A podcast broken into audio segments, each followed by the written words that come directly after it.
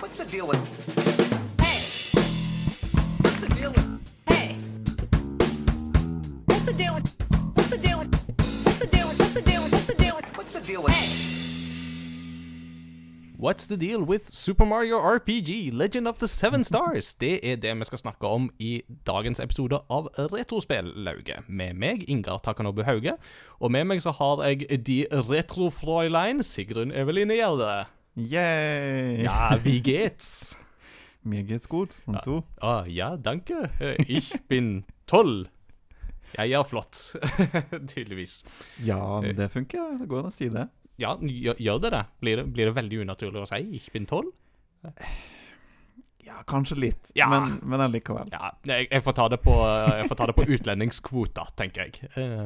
Mm. ja, eh, nei, for de som jo ikke aner hva det er vi sitter og snakker om nå, så er det jo sånn at dette er jo en spin-off-podkast av Crossover Gaming, der vi i vår Discord-server har en egen kanal som heter Retrospellauget. Og formålet med Retrospellauget er at vi blir enige om et retrospill som vi skal spille sammen. Vi setter ei lekse for hver uke og setter et tidspunkt for de ukentlige samlingene. Og så, ja, så går vi egentlig bare gjennom et retrospill, da, og så samler vi noen av de inntrykkene vi har opplevd med dette retrospillet til slutt.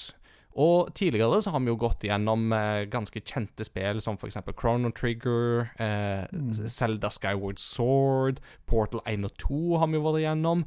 Eh, men det spillet som vi nå skal snakke om, det er kanskje ikke like kjent for alle sammen, og det er Super Nintendo-spillet Super Mario RPG, Legend of the Seven Stars.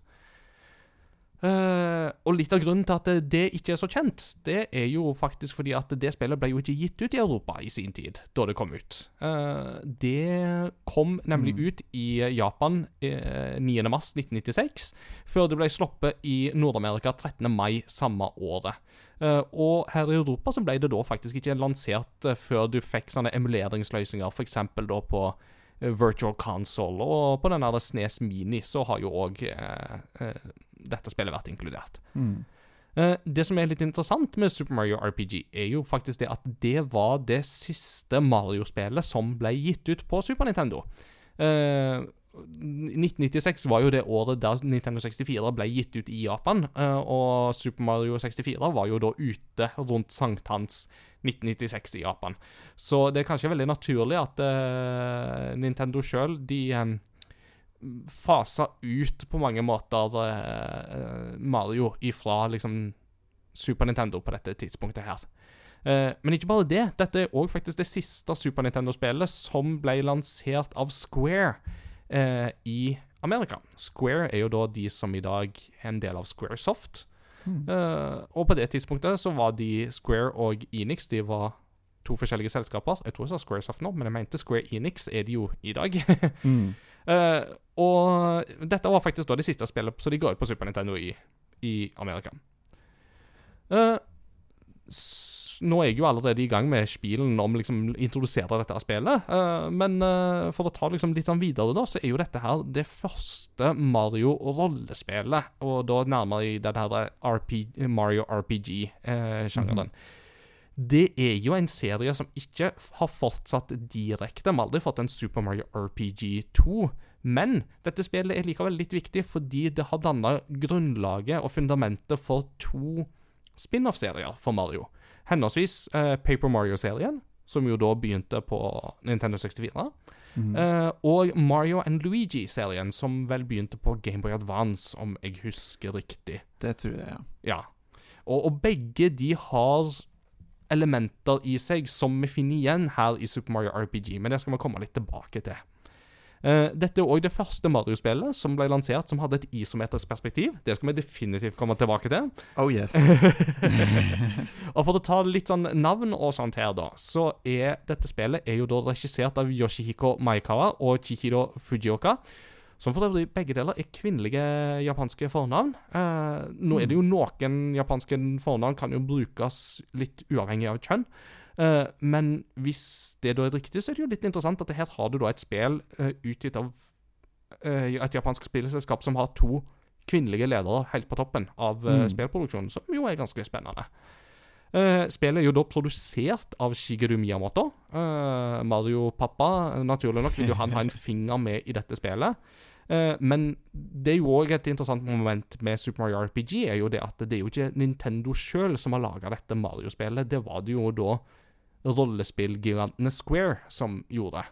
Så det i seg sjøl er jo òg en veldig interessant del av spillhistorien her. Eh, I tillegg så er spillet skrevet av Kenske Tanabe og Atsuki Tejima.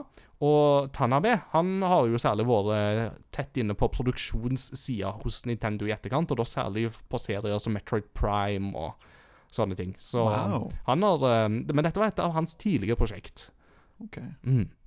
Og så, det kanskje mest kjente navnet her for uh, noen av våre lyttere, er da komponisten. For musikken her er nemlig komponert av Yoko Shimomura, som jo da er komponisten bak uh, klassiske tracks som Street Fighter 2, uh, men ikke minst Kingdom Hearts er jo det hun er, hun er aller mest kjent for. Og Final Fantasy 15, for så vidt.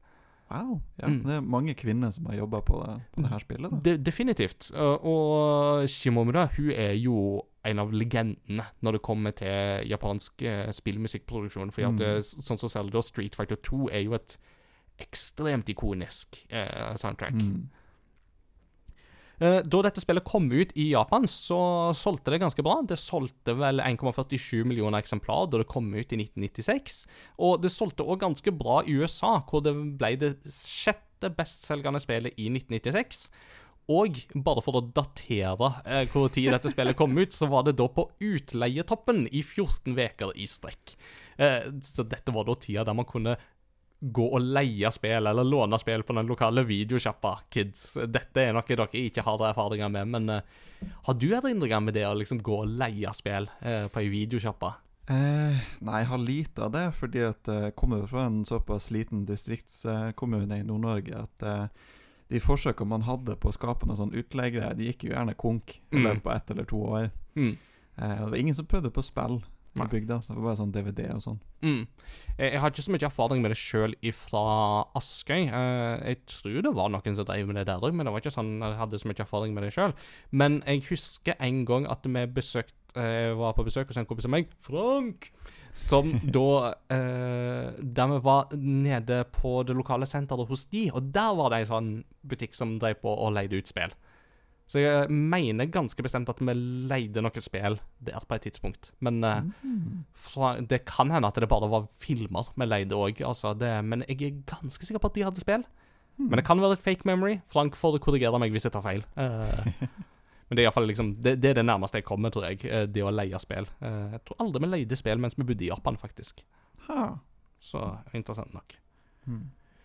Uh, skal vi ta en eh, kjapp gjennomgang av historien i dette spillet her? For det er jo klart at eh, Super Mario RPG er jo Det er jo et rollespill, og en ting som jo står sentralt i de fleste rollespill, er jo historie. Mhm. Ikke så sentralt i Pokémon, uh, men uh, Nei, for så vidt ikke. Men uh, det jeg tenker som, som jo er litt interessant, um, er jo at storyen i Mario-spillene pleier å være at Peach er blitt kidnappa. Det er jo litt det her òg, men det er mye mer enn det vanligvis er, da. mm, Ikke sant? Eh, For spillet begynner jo litt sånn in medias race med at eh, Mario kommer jo til slottet til Bowser for å redde Peach, og går Mm. liksom bare rett, nærmest rett i gang med en bosskamp mot eh, Bowser. Og det går for så vidt greit, helt til plutselig så kommer det et gigantisk sverd dettende ned fra himmelen, og detter ned i slottet til Bowser. Og Peach og Mario og Bowser de blir spredt fra alle vinder, og broa til Bowser sitt slott kollapser. Og på toppen av dette hele så begynner jo da en gruppe med litt sånn shady figurer som kaller seg for The Smithy Gang, og herjer rundt omkring i Mushroom Kingdom. Uh, så, um, for å komme tilbake til slottet og slå denne Smithy, som jo da tydeligvis har inntatt Bowser sitt slott, så må Mario samle syv stjernebiter, eh, får vi da etter hvert vite. Eh, men Mario slipper heldigvis å være alene i denne prosessen her. Ganske tidlig så møter han en eh, Ja, det, det, han møter en kar som heter Mallow, og som påstår veldig hardnakka at han er en frosk. Når du ser han, så er han definitivt ikke en frosk, for han er liten og hvit og mjuk og ser egentlig ut som en marshmallow. Mm. Hvilket vel egentlig er grunnen til at han heter Mallow, når jeg tenker meg om. Det er Ja. at han ser ut som en marshmallow. Men han insisterer på at han er en frosk. Mm. Så når han eh, joiner eh, teamet ditt, så får du da Mallow the frog, who is definitely not a frog, joined your party. Og det er jo litt sånn interessant, eh, fordi at der, allerede der så stadfester vi jo at dette er jo et spill med veldig mye humor. Ja, det er det absolutt. Um, I tillegg så får Mario og Mallow etter hvert uh, med en annen kar på laget som, kaller seg, som heter Gino, som da er en mystisk levende dukke. Mm. Uh, og Gino har jo vært en figur som har vært ganske um, Han har vært i vinden et par ganger, fordi at eh, Gino har tydeligvis vært så populær hos veldig mange som har spilt dette Mm. spillet, at det er jo veldig mange som har etterlyst Gino i Super Smash Bros. Ja, eller jeg bare ønsker at han skal dukke opp igjen på et eller annet vis i Mario-spillene. Mm. Og um, ja, man skjønner jo på en måte litt hvorfor. Altså, han er jo en slags sånn tredukke som virker litt sånn som Pinocchio, bare at det er en tøff karakter, da. Det er en kul karakter, liksom. Mm. For, for storyen her er jo egentlig at um, Gino kom jo egentlig fra stjerneverdenen for å reparere stjernebroa som har gått litt i stykker da dette her sverdet kom Mm. dalende ned. Og, og det er jo noe de må gjøre, fordi at eh, hvis ikke det skjer, så kan ingen ønsker bli oppfylt ved Ja. stjerneskudd. Så eh, det er jo veldig viktig at det, det, det må man jo absolutt få has på. og, og så er det jo um, Så er det jo heller ingen hemmelighet at uh, etter hvert så får du jo faktisk med deg Bowser på laget òg, og det jo Det duker jo for mange festlige opplevelser med at Bowser uh, kommer inn og skal liksom være the tough guy, ikke sant, og at eh, Nei, han kan aldri samarbeide med Mario, men Mario kan være min undersått, så han kan være med i The Cooper Troop. Eh, så, så det blir på en måte workarounden her, selv om du hele tida styrer Mario, så er det jo da egentlig Bowser som er sjefen. Det, det vet alle. Ja, selvfølgelig. uh, nei, det er jo klart, det er jo, det er jo interessant og, og, og de, de spiller jo på en måte på den eh, stereotypen som allerede var etablert i, i Mario-spillene. Redd Peach fra Bowser. Em, så de, de lurer deg litt i begynnelsen, og så er det liksom Ja, det, det er på en måte ikke det som er hovedfienden. Det er den her Smithy-gjengen. Mm. Ikke sant. Så det er liksom litt der på en måte historien eh, begynner, og så går den jo videre derifra. Det, det er vel ikke så veldig stor overraskelse at de klarer jo å få dette her til til slutt. da. Det er et ganske, ganske snilt og fremadgående RPG Mm. sånn sett, og det og det er jo litt interessant, for dette her virker jo på mange måter som et slags forsøk på å få Mario-spillere til å bli kjent med rollespillsjangeren. Mm. Eh, og skal på en måte være en slags veiledning inn i den sjangeren, da. På mange måter litt sånn som Nino Kuni var det på PlayStation 3 i sin tid. Mm. Eh, Nino Kuni var jo på mange måter et slags forsøk fra Level 5 i samarbeid med Studio Ghibli på å skape et japansk rollespill som kvitta seg med en del mekanikker og ikke var for komplisert, sånn at de som var kanskje litt yngre og ikke hadde så mye erfaringer med rollespill, kunne sette seg ned med det, da. Mm. Så det er jo noe man òg merker her, blant annet med hvordan historien er fortalt. Absolutt. Den er jo ikke så convoluted som i Final Fantasy-spilleren, eksempel. Nei, det, det er den jo ikke. Og eller det er jo kanskje mm, greit. Altså, det er klart at uh, Square har jo vist at de kan på en måte skape noe som er ganske greit og kort og Eller ikke kort og konsist, men som i alle fall er sånn tålelig greit å henge med på. Altså, Chrono Trigger-historien er jo ikke Mm. dypere enn at det går an å henge med på den underveis. Men det er klart at det kan nok føles litt som en større terskel. Um, så jeg skjønner jo det at man da, med dette spillet her, ønsker i en større grad å få med den klassiske yngre Mario-spilleren, da. Mm. Man kan si det sånn. Ja, og Apropos det, så er det på en måte gøy det alle karakterene kjenner han Mario for i spillet. Det er liksom sånn det eh, Det minner deg om at kanskje spillet er laga for de som har likt Mario og plattformspill. Og så Mm. kan det bli ja, tatt med inn i JRPG-verden. Eh, for det alle andre karakterene spør Mario om å gjøre, er jo å hoppe. Ja. Du hopper, Mario. Det er Ja. det du gjør. Ja. Han har redusert til én aktivitet, og det er hopping. Og, og det er jo ikke bare at Mario er redusert til hopping, men han er jo en inspirasjon for andre. Det er jo i en, en av disse første byene du kommer til når du går inn i et hus, så er det jo en sånn Toad-unge som driver på å hoppe opp og ned på en seng. Og bare sånn 'Hvis jeg gjør dette her, Mario, kommer jeg til å bli like flink som deg, da?' Og da kan du si liksom ja, eller du kan si nei. Og hvis du sier ja, så blir det sånn yay! Og så begynner han å hoppe dobbelt så fort. Så det bare sånn Det er sånn sjelden Har du sett en mer hyperaktiv Toad enn eh, den der lille ungen der, altså? Det er En annen ting som er gøy med det, er at du, du kan hoppe oppå Toaden. Ja, stemmer det.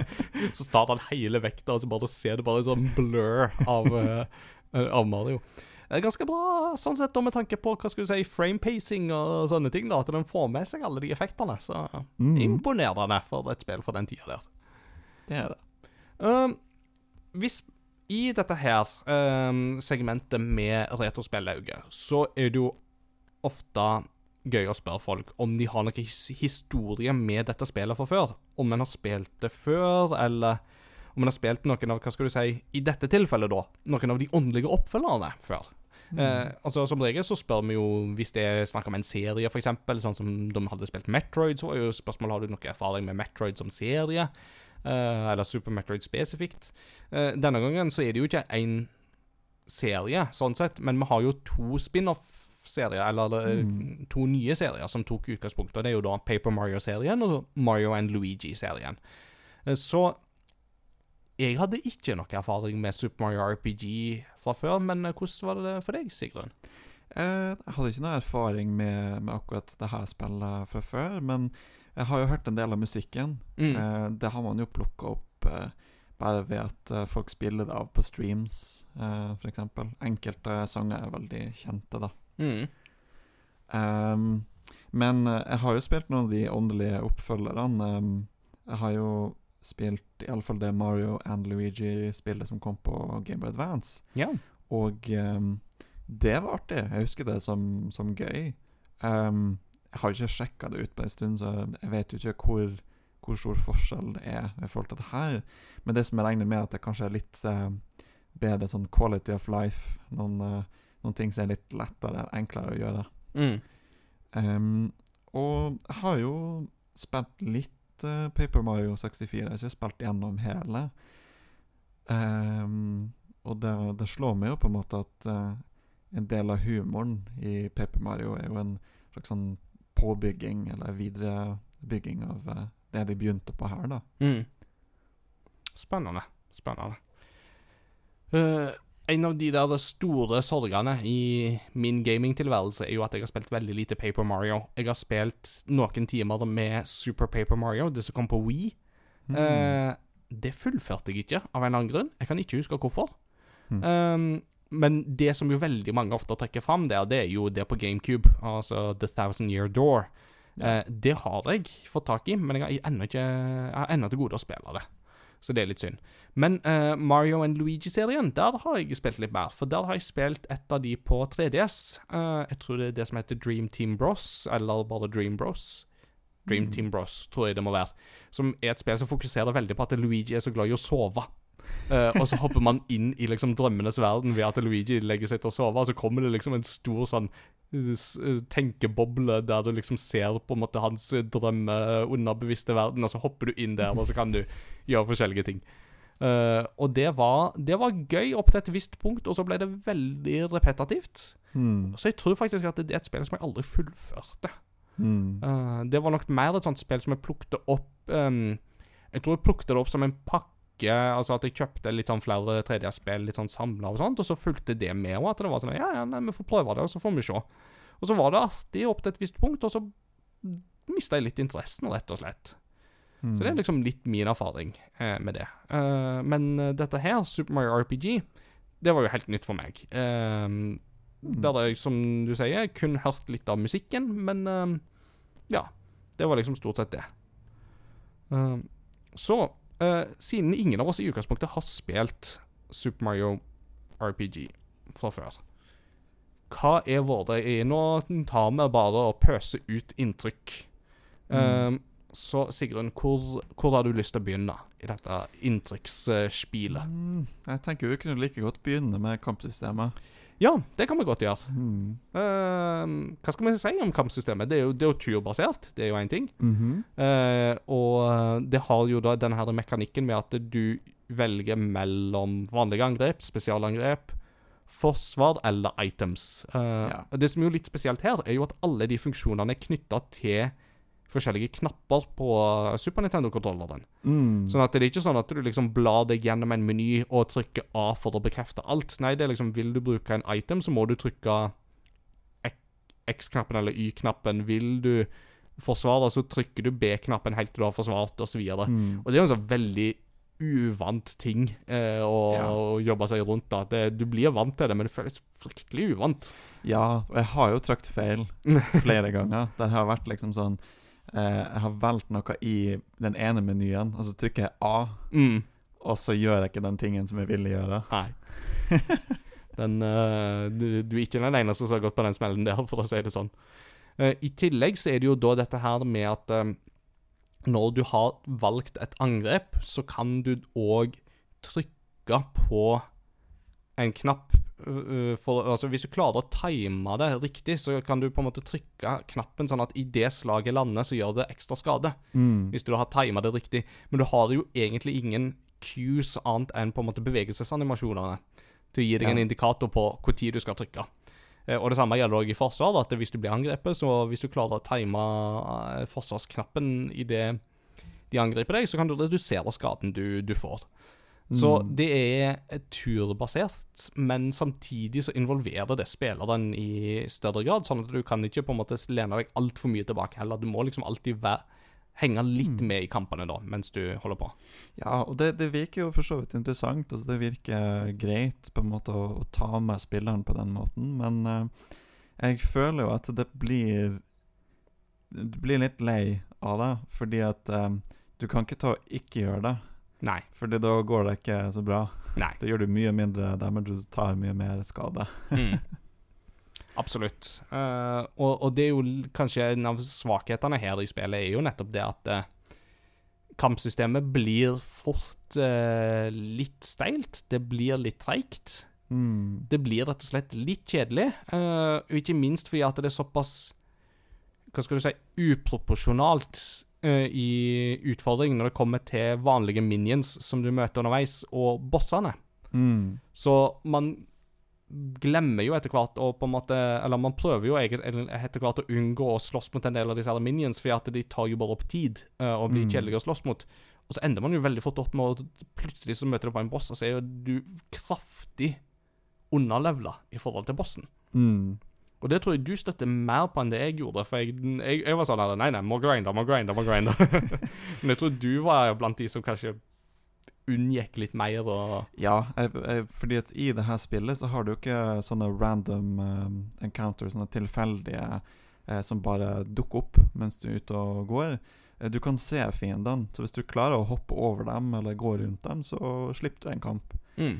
Um, og jeg, jeg gjorde vel egentlig det fordi jeg ble veldig lei av eh, kampsystemet. Um, jeg har jo generelt blitt ganske lei av uh, grinding etter hvert, så det er jo flere andre sånne gamle RPG-spill som kunne vært uh, vanskelig å gå tilbake igjen for meg. Mm. Um, men uh, det er jo det er også en veldig stor mengde med kamper, føler jeg. Um, du har ganske lange og store områder der ikke føler at du får sett så mye av humoren og den kule skrivinga som du har i spillet, Mm. men du må bruke det på repetisjon, repetisjon, repetisjon. Liksom. Mm, mm. Men der er du inne på et annet punkt, og det er jo skrivinga. Um, og det tror jeg jo er noe som vi alle har vært enige om i prosessen der vi har vært gjennom dette spillet, er jo det at Super Mario RPG er fryktelig godt skrevet. Mm. Ikke fordi at historien nødvendigvis er så veldig dyp, men det er jo det at eh, det er så mye humor i dette spillet. Og den humoren er så godt formidla òg. Eh, i, altså, I oversettelsen. Det er ikke bare, altså, Ofte så kan jo sånn humor ende opp med å forsvinne i oversettelsen. Men Mm. hele spillet, helt ifra begynnelsen av, der du slåss mot Bowser på toppen av noen lysekroner som blir holdt igjen av sånne chain chumps, uh, og så får de en chain reaction, som de kaller det, og så, detter de ned. Uh, og altså Det er dårlige ordspill, det er sære situasjoner, det er mye metahumor, det er liksom bare ekstremt mye rart i dette spillet her. Eh, du har jo ganske tidlig så har du jo Mario og han Mallow, eh, som jo Who is definitely not a frog. bare den setningen i seg sjøl er jo òg sånn du bare flirer godt av den. Uh, men så er det jo sånn Det, det er en sånn et sånn dinosauraktig skapning som heter Croc, som har stjålet uh, noe fra han uh, Mallow.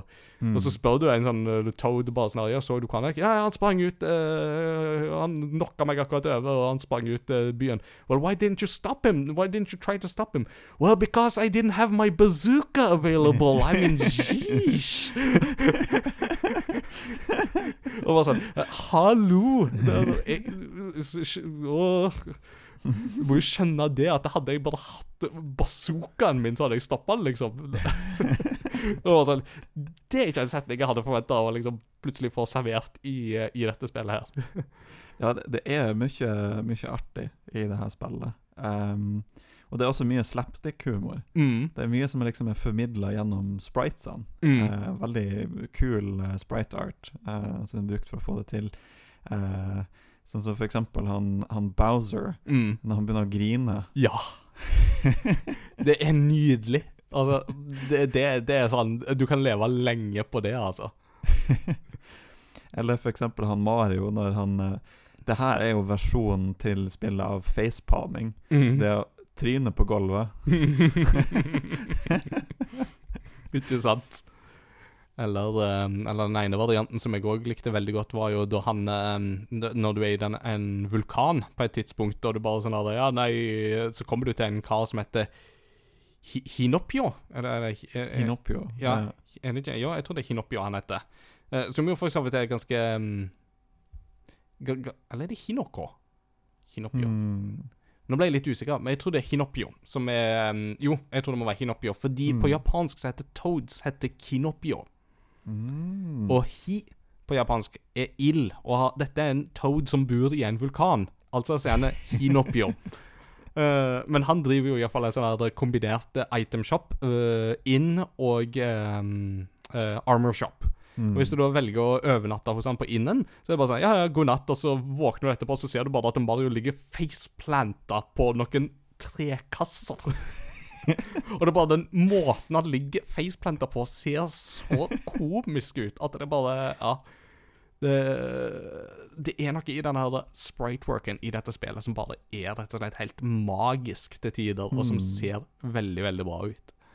Ja, og det, det er veldig mye forskjellige typer humor. Det er også en del humor som er litt mer sånn voksenhumor. Mm. Som ikke barn ville forstått eller fått noe ut av. Um, og det, det syns jeg liksom vitner om at de bare prøvde ut mange forskjellige ting. Mm. De hadde liksom et, ikke et helt klart humorkonsept som de ville gå etter. Litt mer sånn som Paper Mario har jo veldig mye vitser som har å gjøre med papir. Mm. Ikke sant? Og det mediet de er i, på en måte. Mm. Og bare sånne ting som at eh, Bowser på, en ganske mot slutten av spillet kommer med et haiku-dikt om bare liksom hvordan han er et misforstått geni eh, når han kommer med haikuet Like the moon over the day my genius and brawn are lost on these fools.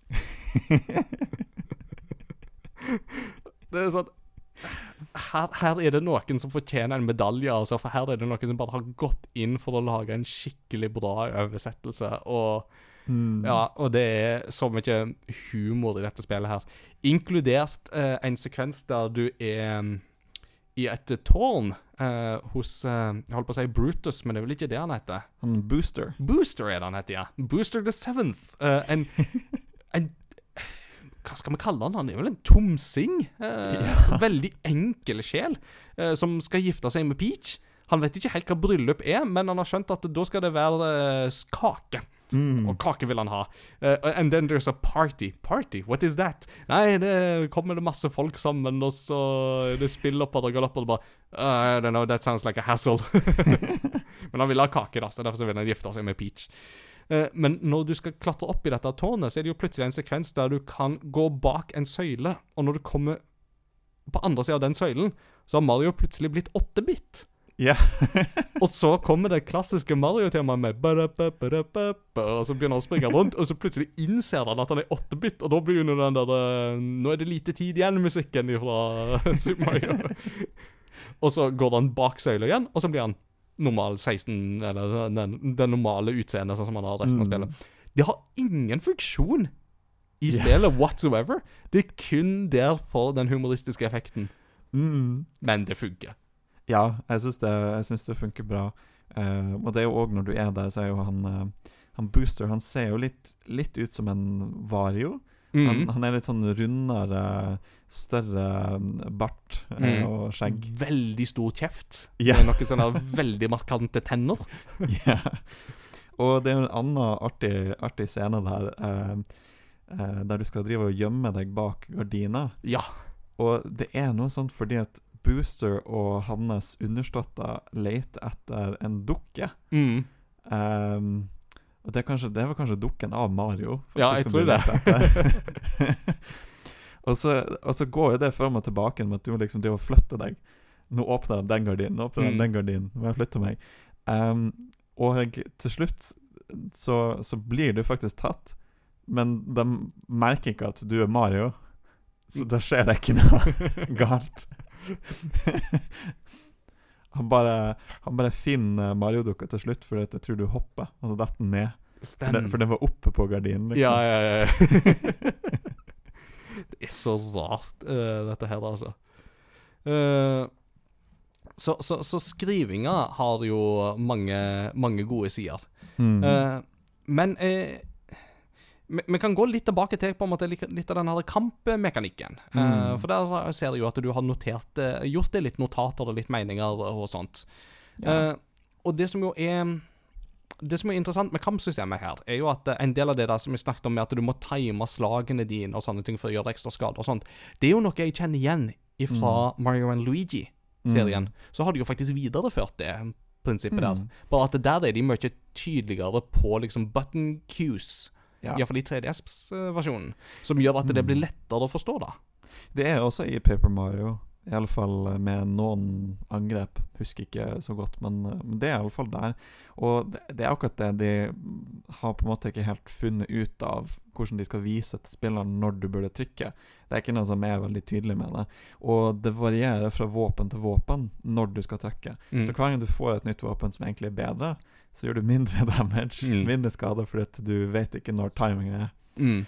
Um, og det samme går jo for angrepene til fiendene, som gjør dem i forskjellig fart. Altså bare sånn Å ja, han brukte fem sekunder lenger enn jeg trodde på å Mm. sende av gårde det angrepet. I tillegg så har jeg ikke blitt helt klok på Går det an å garde seg mot på en måte spesialangrep eller ikke. Det er jo en sånn ting som jeg Jeg har nå Ja. bare trykka i håp om at det kan redusere litt skade, men jeg har jo aldri ant om det fungerer. Det har jeg også. Jeg har jo også gjort det når jeg angriper med et spesialangrep. Så har jeg også trykt eh, spesialknappen på nytt igjen. Jeg har Mm. trykt eh, angrepsknappen på nytt igjen også. Jeg, jeg får litt sånn assosiasjoner til gamle Pokémon på Gameboy. Jeg vet ikke om det var sånn internettrykte som du noen gang fikk med deg, men da var det jo sånn internettrykte om at når du kasta en pokéball Hvis du holdt nede B og ned samtidig, så det, økte du sjansen for at uh, pokéballen ville fange Pokémonen. Så liksom så det det er jo sånn det, det funker jo ikke. Det var jo bare et internettrykte, men det er liksom bare sånn at du har liksom tviholdt på de her knappene. Bare sånn mmm, Hvis jeg trykker ekstra hardt nå, så, så blir den fanga! Det, det, det husker jeg at jeg leste, og jeg gjorde det. Ja. det funker Så- ikke, folkens. Det er Dessverre. myth-busted. Ja, det, det, det er mange av de fra gamle dager. Altså sånn Huff, de som skrev inn i Game FAQs i gamle dager. Sånn får du Goku i Super Smash Bros. Eh, sp spill 80 timer og vinn mot eh, computeren på level 9 eh, 20 ganger på rad. Eller noe sånt. Åh, det var en rar tid, det der. Rare, rare tider. Det var absolutt det. Men jeg tenker sånn Det som vi har vært inne på nå nettopp, er at eh, det kampsystemet det er litt lite forklart. Mm. Altså, Det er sånne type ting som aldri blir sagt. Altså, Jeg har jo heller ikke skjønt om det gjør noe med specials. Um, men det som jeg syns det virker som, er at ulike karakterer er svake mot ulike ting. Mm. Og det er på en måte ikke heller så tydelig. Fordi det er liksom Det er noen angrep som han Bo Bowser tar mer skade av enn han Mario tar. Mm. Og så står ikke det noe sted. Står ikke hva svakhetene til Bowser er, for Nei. Nei, og det er jo en sånn greie som jo, hvis man er mer erfaren med RPGs, er jo noe man fort vil savne. ikke sant? Altså, Jeg trenger mer på en måte stats, jeg trenger mer innsikt i statsene, og liksom hvordan kan jeg på en Mm. måte maksimere ting og minimere skade osv. Uh, og det blir jo fort litt vanskelig med dette systemet her. Uh, Mm. Men samtidig så har det jo noen kule effekter, da. Uh, eksempel er jo hvis du møter på noen dry bones, altså disse her eh, skjelettutgavene av eh, Cooper Troopers Mm. som jo da Du kan slå og slå og slå og slå og slå så mye på dem du bare vil, og de vil ikke daue. Men hvis Mario tar og hopper på dem, bruker en special og hopper, da Mm. dør de med en gang. Ja, eh, det, det, men det er også et sånn type eksempel på noe som ikke er forklart. For når du bruker attack på dem, så kommer det opp liksom at de har tatt skade. Mm. Det kommer et høyt nummer på over 100 gjerne, eller noe sånt. Mm. Men de tar ikke egentlig noen skade av det. Men, men akkurat sånne ting synes jeg jo Altså, det, det er jo litt sånn tveegget sverd, for at du kan bli litt frustrert, eh, men Mm. samtidig så er det jo no... Altså, dette er et spill som ikke nødvendigvis forutsetter at du har spilt så mye rollespill. Mm. på en måte, men jeg trodde til en viss grad forutsetter at du har spilt et Mario-spill. For hvis du har spilt et Mario-spill, så vet du det at du hopper du på en Cooper Trooper, så, så dør den, som regel. Eh, Uh, og, og, og det gjelder jo da òg her, når du støtter på en dry bones. Så er det bare sånn Ja, kanskje jeg skulle prøvd å hoppe? Mm. Uh, noe som jo kan fort sette deg i en farlig loop hvis du er tom for spesialpoeng og eh, ikke har items som kan gjenvinne det, da, og ikke kan drømme. Da må du slite fryktelig. Men det skal litt til for at du havner i en sånn loop, da. eh, tenker jeg. Mm. Nei, altså det er absolutt Det her gjorde jeg helt før begynnelsen av spillet. Ta alltid å ha nok items. Mm. Hver gang du har muligheten til å kjøpe fra butikken, gå og kjøp ting. Yes. Helt klart. En merkelig ting i den forbindelse er jo det at eh, for å øke spesialpoeng, eh, som jo Mm. du trenger for spesialangrep, så må du samle flower petals. Men noen ganger så er det jo sånn at disse her flower petals De havner i item-lista di, Mm. istedenfor bare automatisk bli lagt til i liksom flower petal-counteren. Og det, det er en sånn fryktelig lite intuitiv eh, design, syns jeg.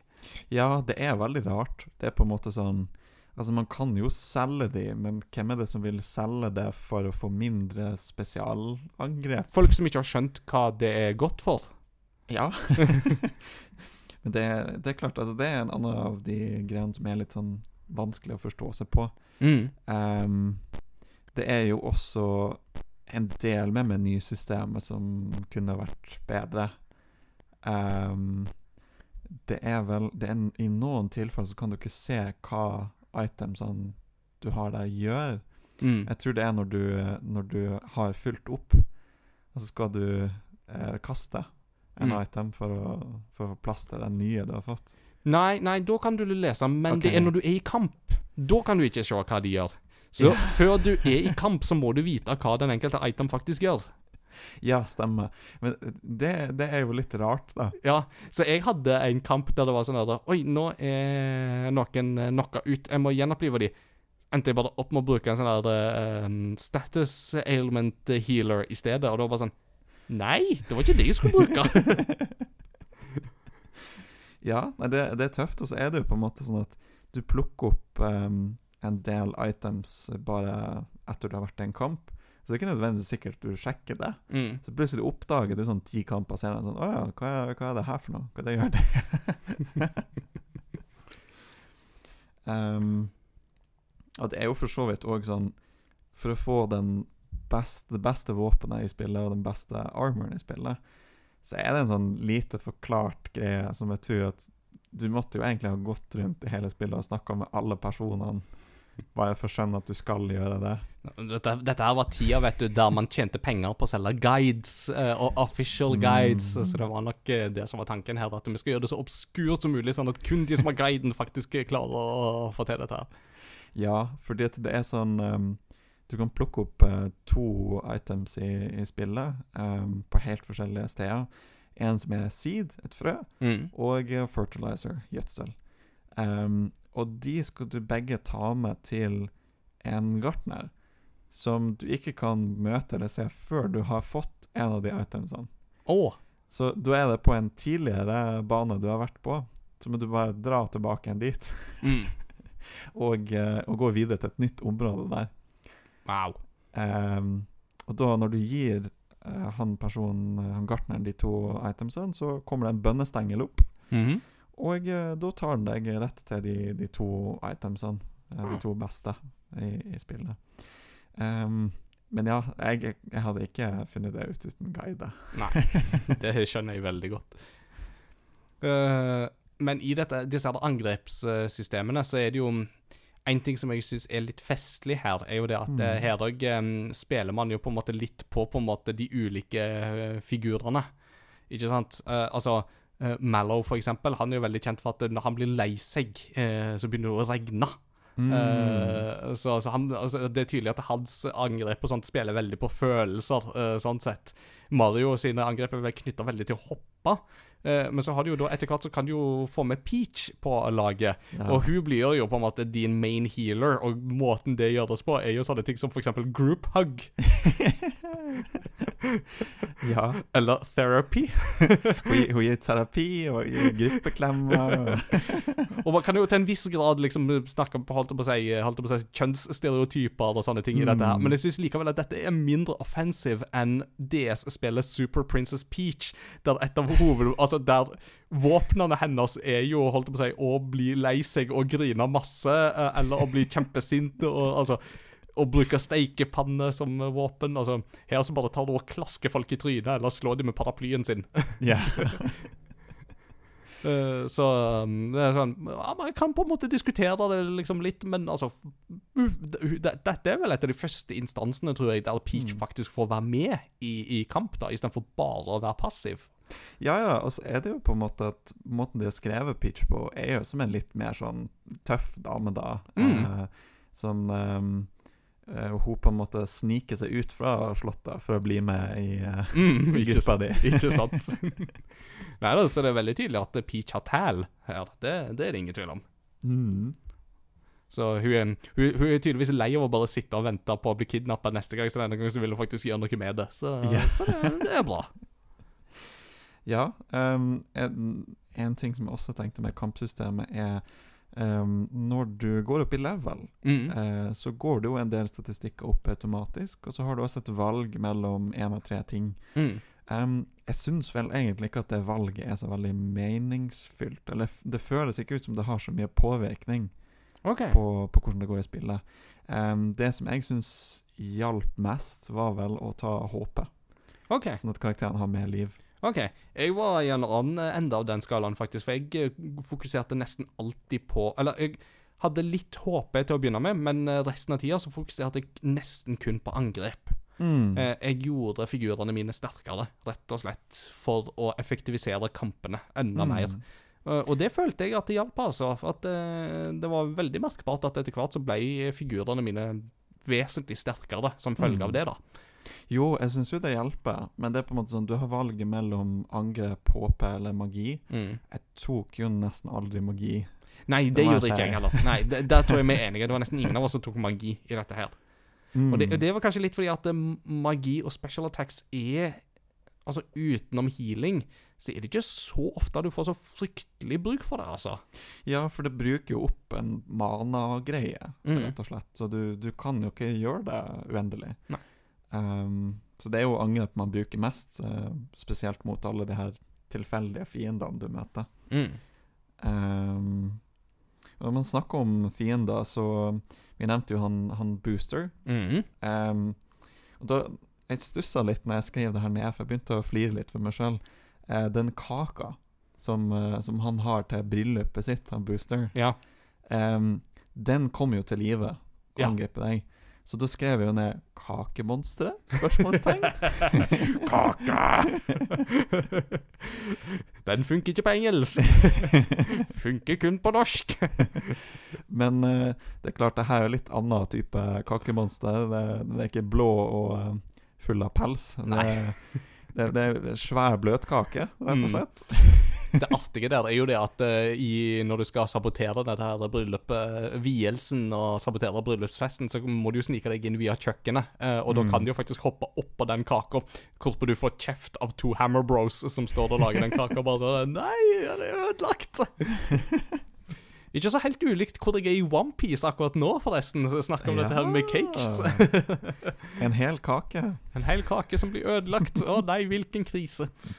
Det ble en liten OnePiece-spin-off eh, der. Whole Ja. Cake Island, det er der jeg er nå. Eh, men ja, eh, Booster og Kakemonster, det er jo blant noen av de. Men eh, det er jo mange andre kreative innslag på mm, Særlig bossfronten syns jeg det er litt sånn kreative ting. Du har jo i Forest Maze så har du jo den her skapningen som bruker seg sjøl som en bue. Ja. Bowyer. Bowyer er det, ja. Det, det er veldig gøy, for han, han er jo på en måte en bue, og så ehm, spenner han seg sjøl og trekker ei pil på en måte på tvers av, av magen og Bare fyrer det av gårde. Det, det er ganske kult design. Mm. Um, men det, det er jo klart, altså sånn Sånn, eh, sånn spillmessig, altså sånn spillmekanisk, så er ikke nødvendigvis postkampen så veldig interessant. For det jeg tror han gjør, er vel at han liksom sperrer noen knapper. Mm, han sperrer én av tre random knapper for deg. Mm. Altså, du vil alltid kunne forsvare deg, men uh, etter disse andre angrepene, Mm. det standardangrep, items eller special attacks, vil bli sperra når han Ja. bruker dette her angrepet sitt. Mm. Det, det, er jo en, det er jo en egen mekanikk, men jeg tenkte bare når du gikk så langt med designet på karakteren og gjorde det til en levende bue Mm. At du kanskje ville hatt noe enda mer litt spesielt. Men jeg kommer jo ikke på noe mer interessant akkurat nå, da. Mm. Du har jo òg denne her den gule hunden med fire øyne. Eh, Ja. Bell Bellomy, er det det han heter? Ja, jeg tar noe sånt. Be Bellom, Bellomé. Bellomé. Ja, men det, det også tror jeg er et uh, pønn på japansk. Uh, for at Mm. pero, eller pero, pero, pero, det er onomatopoetika for når du sleiker noe. Mm. Og han har jo en veldig svær tunge som stikker ut. Ja. Så Og den, den hunden er veldig rar. Altså, den er litt creepy, egentlig. den er skummel, Ja. rett og slett. Den bare sier sånn 'Jeg er så sulten. Ja. Så sulten'. Ja, og, og det er jo veldig gøy, for at hvis han spiser eh, forskjellige av disse her eh, figurene dine, sånn som Bowser for eksempel, er liksom bare sånn der, Æsj, how repulsive, liksom. Mens Peach blir vel oppfatta som på en måte søt, mm. fordi at det er jo en Ja. Um, Mallow tror jeg uh, ikke blir uh, Mallow, Ja, jeg husker ikke de andre, da, men eh, ah. Sikkert myk, Ja. eller noe sånt. Ehm, nei, altså, en av de kule, vanlige fiendene er jo Heavy Trooper. Ja. som er en sånn rød kopa som er kjempestor. det er så svært. Og så tjukke, koselige bollekinn. ja. Og ser så avslappa ut. ja. Bare, bare slapp av, og så er angrepet dens liksom bare lander på deg. Først så må han charge, og så lander han på deg. ja. Så du må liksom ta han ut før han lander på deg, da. Mm. Um, og det er jo faktisk eh, det beste våpenet i spillet. Er en sånn gigantisk heavy trooper-skjell. Oh! Det er det som er det beste våpenet Mario kan bruke. ja, ja, men den ser jeg jo. Altså, Får du et av de store skallene der og kaster på folk, det er det ikke mange som kan klare å stå imot det, altså. Nei, ikke sant? Men så har man jo noen andre artige mm, Du har jo noen bosser der som er litt sånn ekstra artige. Eh, jeg tror eh, vi begge koser oss veldig med hva de kalles for Axiom eh, Ja, Axum Rangers. Axum Rangers er det de heter, ja. Eh, som basically er en kombo av Power Rangers og Ginyu-krigerne fra Dragon Ball. Ja. Der var du klart å lage fem i sånn typisk eh, Toku Sentai, uh, Power Rangers-stil. Mm. Um, som alle har sine egne rare personligheter. Mm. Um, så når du er i kamp mot dem og, og slår dem, så, så sier de hver sin sånn unnskyldning for hvorfor de ikke kan slåss lenger. Hun Rosa er vel noe sånn med sånn der uh, My makeup is running. Then use waterproof makeup, dummy. For å svare. Og så er det jo han ene litt, tjukke som, som sier 'I am hungry'. Ja. Then bite your own tongue, eller 'then eat your tongue, eller et eller annet sånt. Det er vel han får svar da. Ja, Brutale greier. det er det, men det, det, det er gøy. Det, Ja. det er mange sånne type ting som er gjennomtenkte, må jeg si. Um, det er jo òg noen sånne vanlige fiender som er litt sånn rar. Det er flere av fiendene som føles ut som de er fra Donkey Kong Country. Mm. Du har eh, noen som ser mistenkelig ut som biene fra Donkey Kong. Mm. Og så har du også noen eh, stakkars eh, apekatter som er fanga i, i håndjern. Ja. Som ser veldig like ut Donkey Kong. Ja. så da, da har de rett og slett uh, fanga Donkey Kong og tatt han med i Super Mario RPG. Mye rar metahumor i dette spillet her òg, altså. Det Mm. Em, jeg liker også Dodo. Ja, Dodo. Oh, Dodo er en eh, fin, eh, fin figur. Sier ikke et kvekk, men uh, han er jo håndlangeren til um, Hva er det heter da? Valentina, var det det hun heter? Valentina, Ja. Ja. Uh, han, han er en sånn stor, rund tukan, ser Ja. det ut som. ja. Så jeg vet ikke helt hva, hva som var grunnen til å kalle han Dodo, men eh, em, han gjør iallfall mye rart når du, når du kommer til den delen av spillet. Mm. Um, du skal f.eks. infiltrere et slott, et palass, og så må du da bli malt med gullfarge Mm. og late som det er en statue. Ja, helt fantastisk, den sekvensen der, altså. Og da da er poenget at han, han Dodo han går rundt og sjekker statuen med liksom å hakke på dem med nebbet sitt. Mm. Han skal visstnok pusse de. Hans form for pussing er tydeligvis å hakke på de med det gigantiske nebbet. Og, og da vil du liksom ta og hoppe hver gang han, han kommer bort for å hakke på deg. Mm. Um, og av en eller annen grunn, så i, i logikken i spillet, så gjør det at han ikke skjønner Nei, ikke sant. Og det som er ekstra fantastisk med den sekvensen der, er jo det at det, skjer jo i takt med musikken. mm. Så det kommer det liksom en sånn eh, ekstra liksom sånn musikalsk bit, og så må du liksom da Så, så ser du at eh, han vil gå i takt med musikken, og på taktslag nummer eh, Eller når det kommer til den takta, da vil han hakke, og så Mm. da må du hoppe. Og det er jo sånn Det, det der, det er sånn uh, interaktiv uh, spilling og musikalsk bruk av interaktiv musikk done right, syns Ja. jeg, da. Det er jo liksom et rytmespill inni der, på en måte. Mm, ikke sant? Um, den siste greia som jeg har skrevet ned, som jeg syns var interessant på fiendene, er jo den her um, bossen som du ikke må ta, uh, Kulex, Ja! som er en Final Fantasy-karakter, Ja. Ja, det, det, var, det var vel uh, Godspark, Jon Vegard, som gjorde oss oppmerksom uh, på, yeah. på den bossen. Et, hvis jeg har forstått rett, så er ikke Kulex direkte fra et Final Fantasy-spill. Men han er modulert som om han hører mer hjemme i et Final Fantasy-spill. Mm. Og det som er ekstra artig der, er jo det at eh, hvis du da slåss mot han, så får du uh, boss battle-musikken fra Final Fantasy 4. Uh, som er veldig artig. Så da er det plutselig så går du fra Yoko Shimomura-musikk til Nobuo Uematsu-musikk. Som er sånn at, Vet du, dette har jeg hørt fra den der basslinja der som går liksom Og den har jeg hørt før. Så kommer det liksom veldig sånn Final Fantasy-modus. Og òg da, hvis du vinner den kampen, så kommer Så da, da er det sånn Vent litt, dette har vi hørt før i et helt annen serie. Så det virker bare som at Square Enix har hatt et ønske, Eller Square, mener jeg, har hatt et ønske om å bare snike inn litt sånn Final Fantasy-reklame i dette Mario RPG-et sitt. Mm. Um, and honestly, I can't blame them. Ja, det, det er jo stilig når en utvikler kan gjøre det, og ha referanser til andre ting. Litt sånn som eh, ja, Naughty Dog pleier jo alltid å gjøre det med, med spillene sine. Legge Mm. noen Crash Bandicoot-referanser her og der. Ikke sant? Eh, en ting som jeg kanskje stusser litt på der, er jo det at de bruker mer musikk fra Final Fantasy 4, og ikke fra Final Mm. Fantasy 6, uh, som jo var ute på, på dette tidspunktet òg. så de tar liksom det tidligste Final Fantasy-spillet på Super Nintendo istedenfor det nyeste. Ja. Så interessant, men eh, ikke at det gjør noe sånn veldig mye. Hmm. Em, ja, det er jo mange kule fiender, men det er også mange kule karakterer du møter, som er er venner. Mm. Um, sånn eh, når du, før du har virkelig funnet ut at Mallow ikke er en fransk Ja. Dun, dun, dun. så må du reise til Tadpole Pond, Mm. uh, der han Mallow kommer fra, Mm. og uh, møte eh, Frogfucius. Ja, bestefaren. Frogfucius. det er en festlig figur.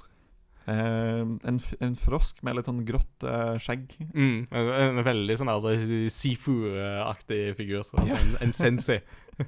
Det er vel òg i uh, dette området her at vi møter på eh, komponisten Todowski. Ja. Han som prøver å få disse her tadpolene til å sitte, gå liksom i riktig posisjon langs ei notelinje. Eh, Noe som jo er òg et pønn på japansk, for at på japansk tal kaller man jo gjerne no noteskriving for tadpoles. ja.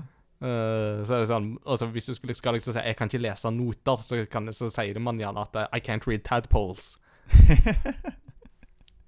Det er gøy, men altså, de, de ser jo litt ut som det. Du Ja, du for, du forstår veldig godt hvorfor det, det uttrykket har dukket opp. Ja, ja. Em, og der har du òg en, en liten sånn variasjon i gameplay, hvis, hvis du orker å bruke tid på det. Um, for du kan gå bort til Todowski og hoppe på, på de her um, rumpetrollene for å lage en sang, på en Mm. måte. Um, det, det er vel en hemmelighet òg med han. Altså, det er en sang som han liker spesielt godt, Mm. men den, eh, den klarte jeg aldri å få laga. Eh, og jeg klarte den til slutt, men det skyldtes egentlig mer med at jeg måtte um, For at de bruker jo liksom do, re, mi, fa-notasjonene notasjonene her. Mm. Uh, men det som gjør den litt kinkig, er at da er ganske på midten. Mhm. Altså, da, altså, da det er jo en C. Og da ville Ja. jeg liksom normalt tenkt at OK, da, du, da ville du plassert C nederst på, Mm. her, eh, eller på disse notelinjene. Men nei da, C-en er tydeligvis ganske på midten her. uh, og så må du liksom gå opp og ned derifra. Så det var liksom bare å finne ut OK, men hvor er da? Her? For du må liksom alltid på en måte jobbe ut ifra da for å finne de riktige eh, Mm. så jeg, så jeg hadde på en måte disse her intervallene mellom de ulike rumpetrollene riktig. Det var bare det at jeg begynte på feil sted. Ikke sant, ja. Nei, Hvis noen av lytterne føler seg lost med hele Dore Mi, så eh, ja, det gjør jeg òg. Jeg skjønner ingenting av det her. Har du ikke sett din Sound of Music med.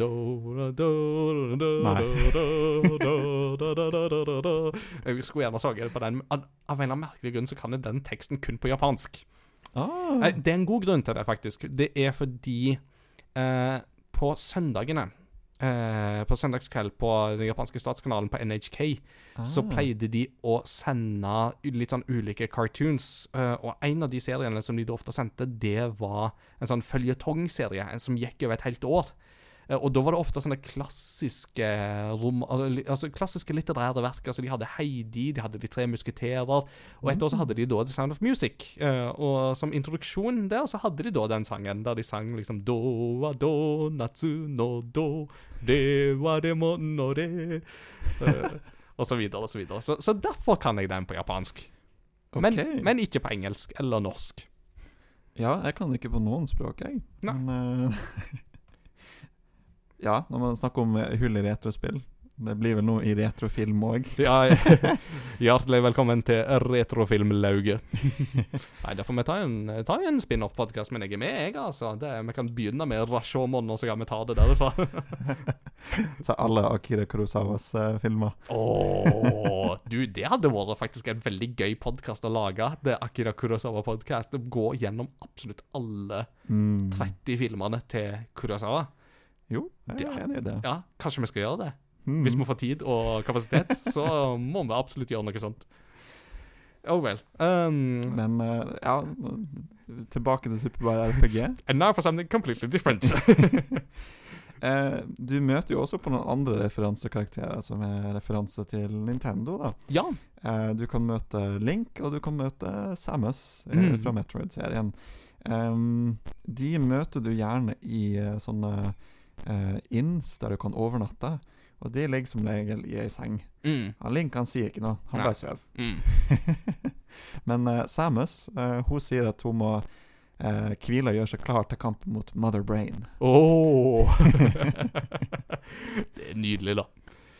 Eh, det, det er jo òg en um, F-Zero-referanse som vi sneker inn her, og Star Fox-referanse. Og det er jo også han Hinopio som vi snakket om tidligere. Han som Mm. bor i en vulkan og har både armor shop, item shop og inn. For han har da noen modeller stående på en hylle. Mm. To av de modellene er jo da uh, biler fra uh, F-Zero. Mm. Eh, det er jo da den eh, Blue Falcon til Captain Falcon, og så er det den der til Samurai Goro, Mm. eh, som jeg ikke husker navnet på akkurat nå. Ser ut som en fisk. Ja. Eh, og så I tillegg til det så er det da en eh, R-Wing fra Star Fox, eller Lilot Wars, Yes. eh, der. Så, så det er litt kult. Ja, det, det, det er fint at de legger til uh, sånne referanser der. Eh, og det er jo Square som har laga det, så de har jo valgt å bare hmm, Mm. ta noe andre Nintendo-greier inn her. Um, skal vi se Det som jeg tenkte på òg Vi har jo vært innom kampsystemet. Mm. Vi har holdt oss ganske sånn fint og forsiktig unna plattforminga.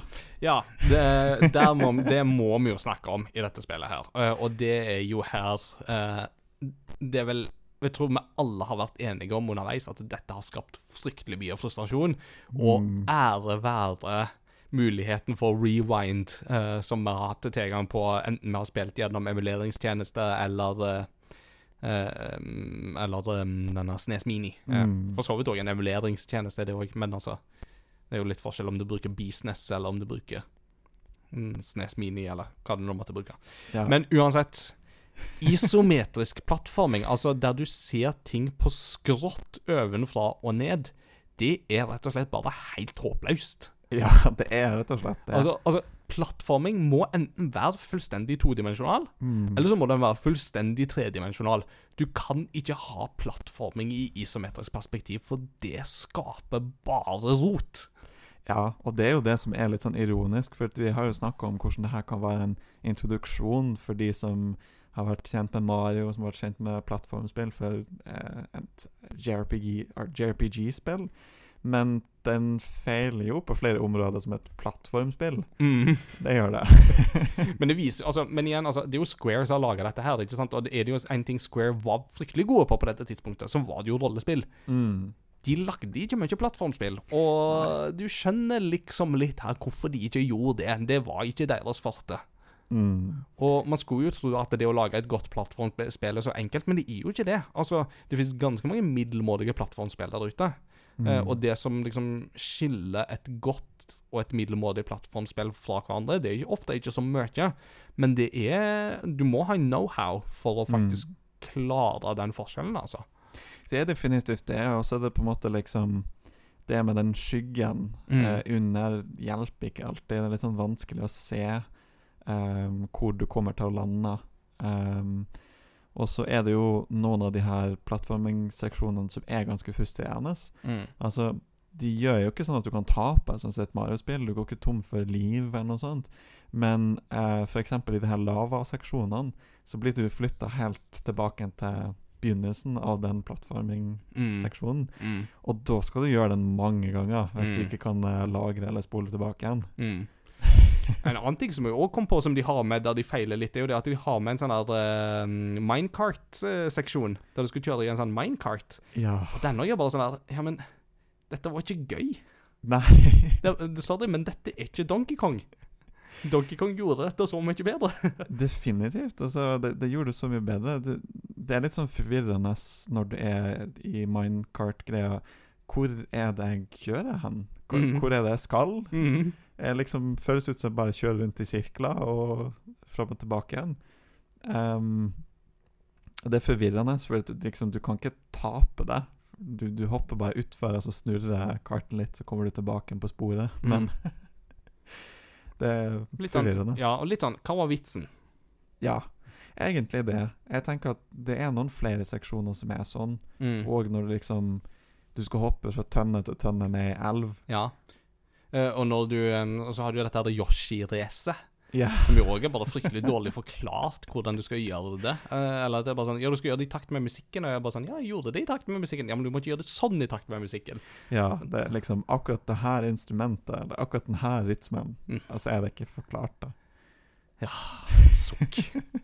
Så det er noen sånne frustrasjonsmoment der, altså, men særlig dette her med isometrisk plattforming, det er ikke Det er håpløse greier, altså. Ja, og også sånn um, når du skal opp til um, kongedømmet som er oppe i skyene, Mm. og du må hoppe fra bønnestengel til bønnestengel. Åh. Herlighet. Da var jeg stressa. Åh. Fordi det er så forvirrende. Det ser ut som du skal treffe den neste bønnestengelen, og så gjør du ikke det. Nei. Du bare flyr foran den, eller noe sånt. Men, men, men her er et retrospill-lauge-spørsmål. Hva er mest frustrerende av dette her? Og sånn giftetårn i Donkey Kong Country 2, der liksom den der gifta kommer stadig høyere og høyere opp, og du må ha den der plattforminga for å unngå å dø. Hva er mest frustrerende? Jeg føler at det er mer frustrerende med det som var her i Super Mario RPG. Fordi at det føltes ikke ut som jeg klarte å lære meg hvordan jeg skulle gjøre det. Nei. Mens i Donkey Kong Country 2 så var i det minste kontrollene og plattforminga bunnsolid. Mm. Det var bare lagt på et veldig høyt og vanskelig nivå. Ikke Du måtte sant. gjøre det ganske presist. Ikke sant? Ja, jeg er enig i den, altså. Jeg er enig der. uh, et par ting som vi ikke har snakka så mye om før vi på en måte draw to a close, er jo Én ting er jo musikken i dette spillet her. Det er jo Yoko Shimomura som står for musikken, som sagt. Uh, og jeg må jo si at uh, langt på vei så syns jeg jo at musikken er en underholdende stykke og lite Mm. frustrerende og sånn, selv om jeg blir jo litt lei av kampmusikken og sånt. Ja. Men altså, det skal jo det, det skjer jo veldig fort i denne type spill. Mm. Uh, samtidig så føler jeg ikke at dette er Shimomura på hennes sterkeste. Det gjør jeg ikke. Men det er fortsatt en brukbar komposisjon vi får her, vil jeg si. Ja, altså det jeg tenker er for så vidt at hvis du har hørt noen sanger fra det her spillet, så har du nok hørt de beste, Mm. på en måte. Eh, de mest kjente låtene er de som skiller seg mest ut. Og eh, jevnt over så er det jo en, en del andre sanger som ikke er så noe spesielt, da. Mm. Ikke sant.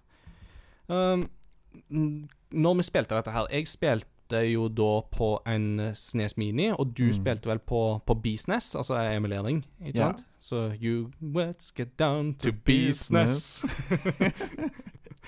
uh, hvordan hvordan funka det sånn rent eh, praktisk? Uh, og mm, altså Mm. Hvis jeg skal si, gi et par ting fra um, Snes Mini, så vil jeg si at eh, dette var et spill der jeg ble litt skuffa over emuleringa, faktisk. Eh, der jeg følte at eh, Jeg følte rett og slett at emuleringa ikke var skarp nok. Jeg følte at uh, spillet ikke ble framstilt så pent som jeg tror det kunne ha vært. Mm. Uh, og her savna jeg muligheten for å spille det på en vanlig CRT-TV, sånn som jeg har gjort med de tidligere spillene. Jeg har Mm. ikke Super Mario RPG i den fysiske Super Nintendo-samlinga, så da ble det sånn denne gangen, da. Ja. Nei, um, jeg, eh, jeg spilte da på PC med Business, og um, det som er ganske kult med Business, er at du har veldig mange funksjoner uh, for å legge på filter, og nøyaktig med hvordan du vil det skal se ut. Så jeg brukte et filter som heter CRT Royal, Mhm. og det er et ganske krevende filter. Det kjører um, PC-en ganske mye til å være Super Nintendo, liksom. Hm. Men det er ganske imponerende. Um, det har både en sånn kurva skjermeffekt, så du kan se liksom sånn i hjørnene av skjermen så er den litt sånn kurva, og um, fargegjengivelsen er jo å prøve å gjenskape RGB på en uh, CRT-TV Ja. med um, scanlines som, som passer, denne linja som går nedover skjermen. Mm. Um, så jeg syns at det var, det var veldig flott å, å, å se. Selvfølgelig så tenkte jeg at da, da, sånn her type ting har sine baksider. Man må sikkert kanskje tune det egentlig litt eh, hvert eh, spill, hvis man skal ha det helt sånn perfekt. For det var noen områder, spesielt sånn når man var under bakken, der det var veldig vanskelig å se. Mm. Eh, for da ble liksom noen av de områdene, noen av de gangene som du kunne gå gjennom, helt svart. Mm. Kunne ikke se noe. Så det var liksom bare å hoppe litt rundt og prøve å finne hvor, hvor skal jeg gå her. Mario er jo flink til å hoppe, han det har vi etablert i dette spillet, så Ja. men, men det jeg tenker er jo eh, ikke bare det med Snes Mini, men av opplevelsene mine med å teste ut Business, så er det jo absolutt muligheter til å gjøre mer for Nintendo med eh, Switch og emuleringstjenesten de har der. Ja.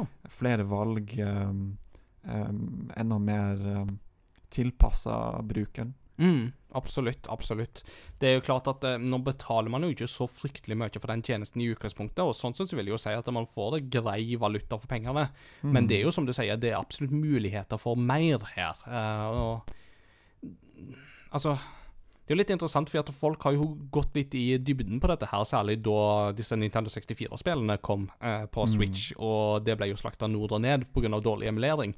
Ja. Da man jo kom litt sånn fram til at det, på et tidspunkt så var jo Nintendo fryktelig gode på denne emuleringa. Altså, enten det var liksom Ocarina of Time på GameCube, eller det var en del av disse her Virtual Console-spillene som var tilgjengelige på Wii. Særlig var liksom altså, Her hadde du dedikerte folk som jobba veldig med det og forsto Mm. hva som trengtes, men de slutta jo etter hvert i sine jobber.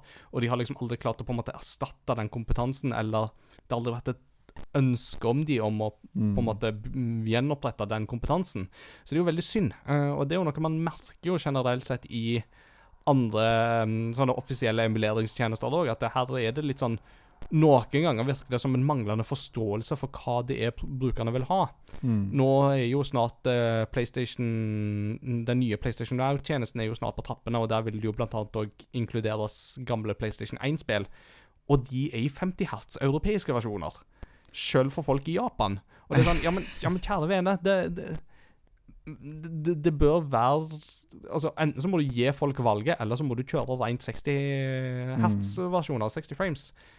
Folk vil ikke ha bare 50 frames. eh, veldig sjelden, i alle fall. Ja, nei, enig. Jeg, jeg syns det er veldig rart. Og det, det gir jo litt sånn ekko om den eh, PlayStation Classic. Mm. eh, der en del av spillene var amerikanske versjoner, en del av dem var den europeiske. Helt uten mål og mening, på en Mm. måte. Um, Sånn sett så kan du jo si at det er jo Microsoft som egentlig skjønner det der best akkurat nå, med den Mm. bakvedkompatibilitetstjenesten på Xbox Series, som jo da er med på å booste opp gamle spill òg, altså forbedre ytelsen og forbedre presentasjonen på dem. Altså, mm. uten at det er for intrusive, så er det jo det at det tar gamle Sonic-spill, eksempel, som de da nå klarer å booste opp til ganske solide 60 bilder i sekundet. Det er jo sånn, det er jo akkurat det folk vil ha, liksom. Ja, ikke sant? Altså det, det gjør jo spillet lettere å spille, og med liksom sånn, kanskje sånn opplevelsen som man tenkte det skulle være når det ble laga. Mm. Um, men uh, vi har jo vært inne på det her også nå med uh, Siden vi nevnte Switch og emulering. Super Mario RPG er jo ikke på Switch Online. Nei, og det er veldig rart at det ikke er der. Um, nå var det ganske nylig et par spill til som ble lagt til, og det var veldig sånne gamle nisjetitler. Eh, Og da er det sånn Hvor er Super Mario RPG henne? Altså, For nå har jo til og med Paper Mario har jo blitt tilgjengelig. Mm. Gjennom den uh, Nintendo 64-tjenesten, hvis du abonnerer på, på den biten. Men dette spillet er fortsatt ganske fraværende, altså. Men det skal jo sies, det tok de jo ganske lang tid før de fikk ut eh, Earthbound òg. Det var jo ganske nylig at de fikk ut Earthbound. Ja, Så Nei, hvem vet? Det, men jeg skulle gjerne ønske at de hadde en mer sånn helhetlig plan, og at de slapp ut mer, rett og slett. Så, men det er nå den sida ved saken. Ja, for det, er jo, det er litt sånn rart. Altså, Vi vet jo at uh, flere av de her um, emulatorene, sånn som Business, kan jo kjøre utrolig mange av Super Nintendo-spillene. Så man skulle jo tenke seg at Nintendo sine egne emulatorer vil, vil kunne kjøre veldig mange mer spill enn det som ligger ute. Mm. Um, men ja. Rare greier. Nei, vi spurte litt av der, men eh, det er jo absolutt en interessant diskusjon, det òg.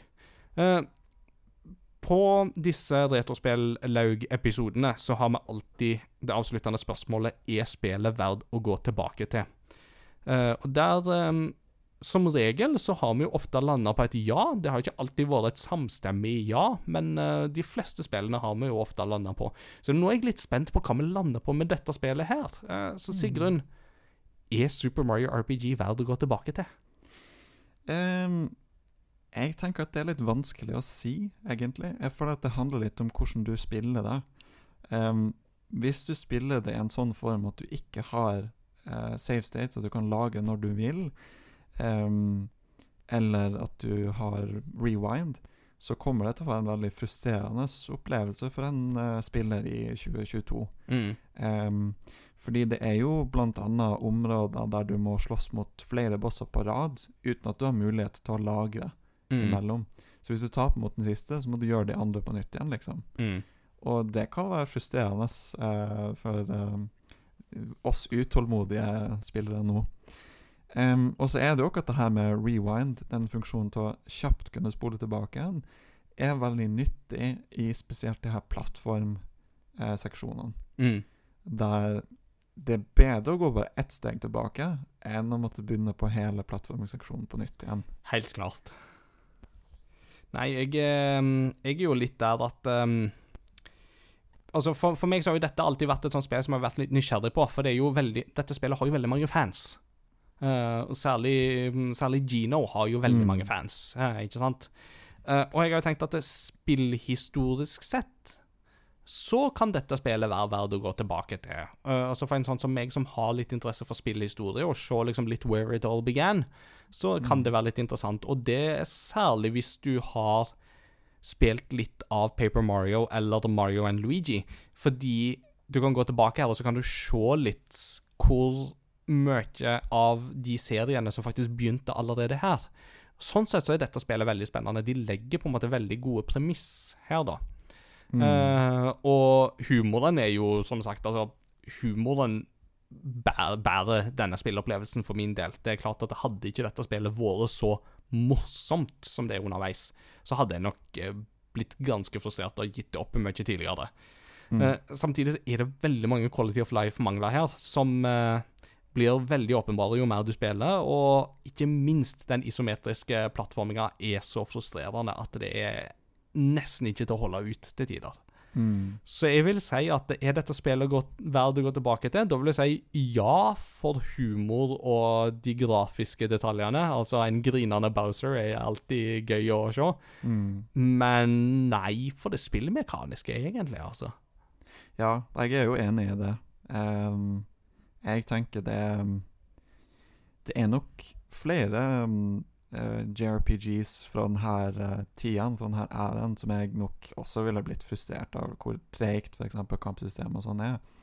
Men jeg tror det er flere som kunne holdt meg gående. Så, så Chrono Trigger gjorde det. Mm. Det, det er et skikkelig bra kampsystem, syns jeg. Mm. Um, og jeg tenker sånn Det er sånn som det jeg, det jeg begynte å si. Jeg anbefaler deg ikke å spille det her spillet hvis du skal spille det på en original Super Nintendo, Nei. og du ikke har de mulighetene som man uh, har med emulering. Mm, helt klart. Så her må man enten uh, skaffe seg en Snes Mini, eller let's get down to business. ja. Yes. De som ikke tar den referansen, de får se Mulan, og så får vi komme tilbake. Vel, eh, da har vi jo oppsummert veldig mye av disse tankene. Vi har òg etablert at vi må få på plass en Akira Kurosawa-podkast på et eller annet eh, tidspunkt. Eh, Hei. Det er det sikkert Det tror jeg det er lite av i Norge. Når jeg tenker meg om, altså Gamingpodkaster det begynner vi å få en del av, men Mm. Akira Kurosawa-podkaster på norsk, det er det nok lite av. Da har vi en nisje, altså. Å, da har vi the niche of the niche. Eh, Men jeg eh, gnirer meg i hendene av fryd over tanken. Nei, det hadde vært veldig gøy. Eh, vi må ha et uh, postludium, og denne gangen så hadde jeg vært så frimodig at jeg har valgt et uh, postludium. Og da har jeg landa på Forest Maze, eh, som er et av de mest kjente temaene ifra spillet. Som da er ganske kult, og du, du, du legger liksom veldig merke til det og sånt. Men når du går rundt i den der skogen der i ganske mange minutter altså, It is a maze after all. Så blir du litt lei av den til slutt, altså. det blir litt sånn- Du blir det. Men den er likevel såpass distinkt og så ikonisk for dette spillet at det er Mm. det valget jeg har landa på. Og det er da, som sagt, Yoko Shimamura som står bak det. Jeg vet ikke om du eventuelt ville hatt et counter-proposal. Nei, det er nok den jeg tenker på Mm. mest, egentlig. Ja, men da kjører vi den. Da er det safe.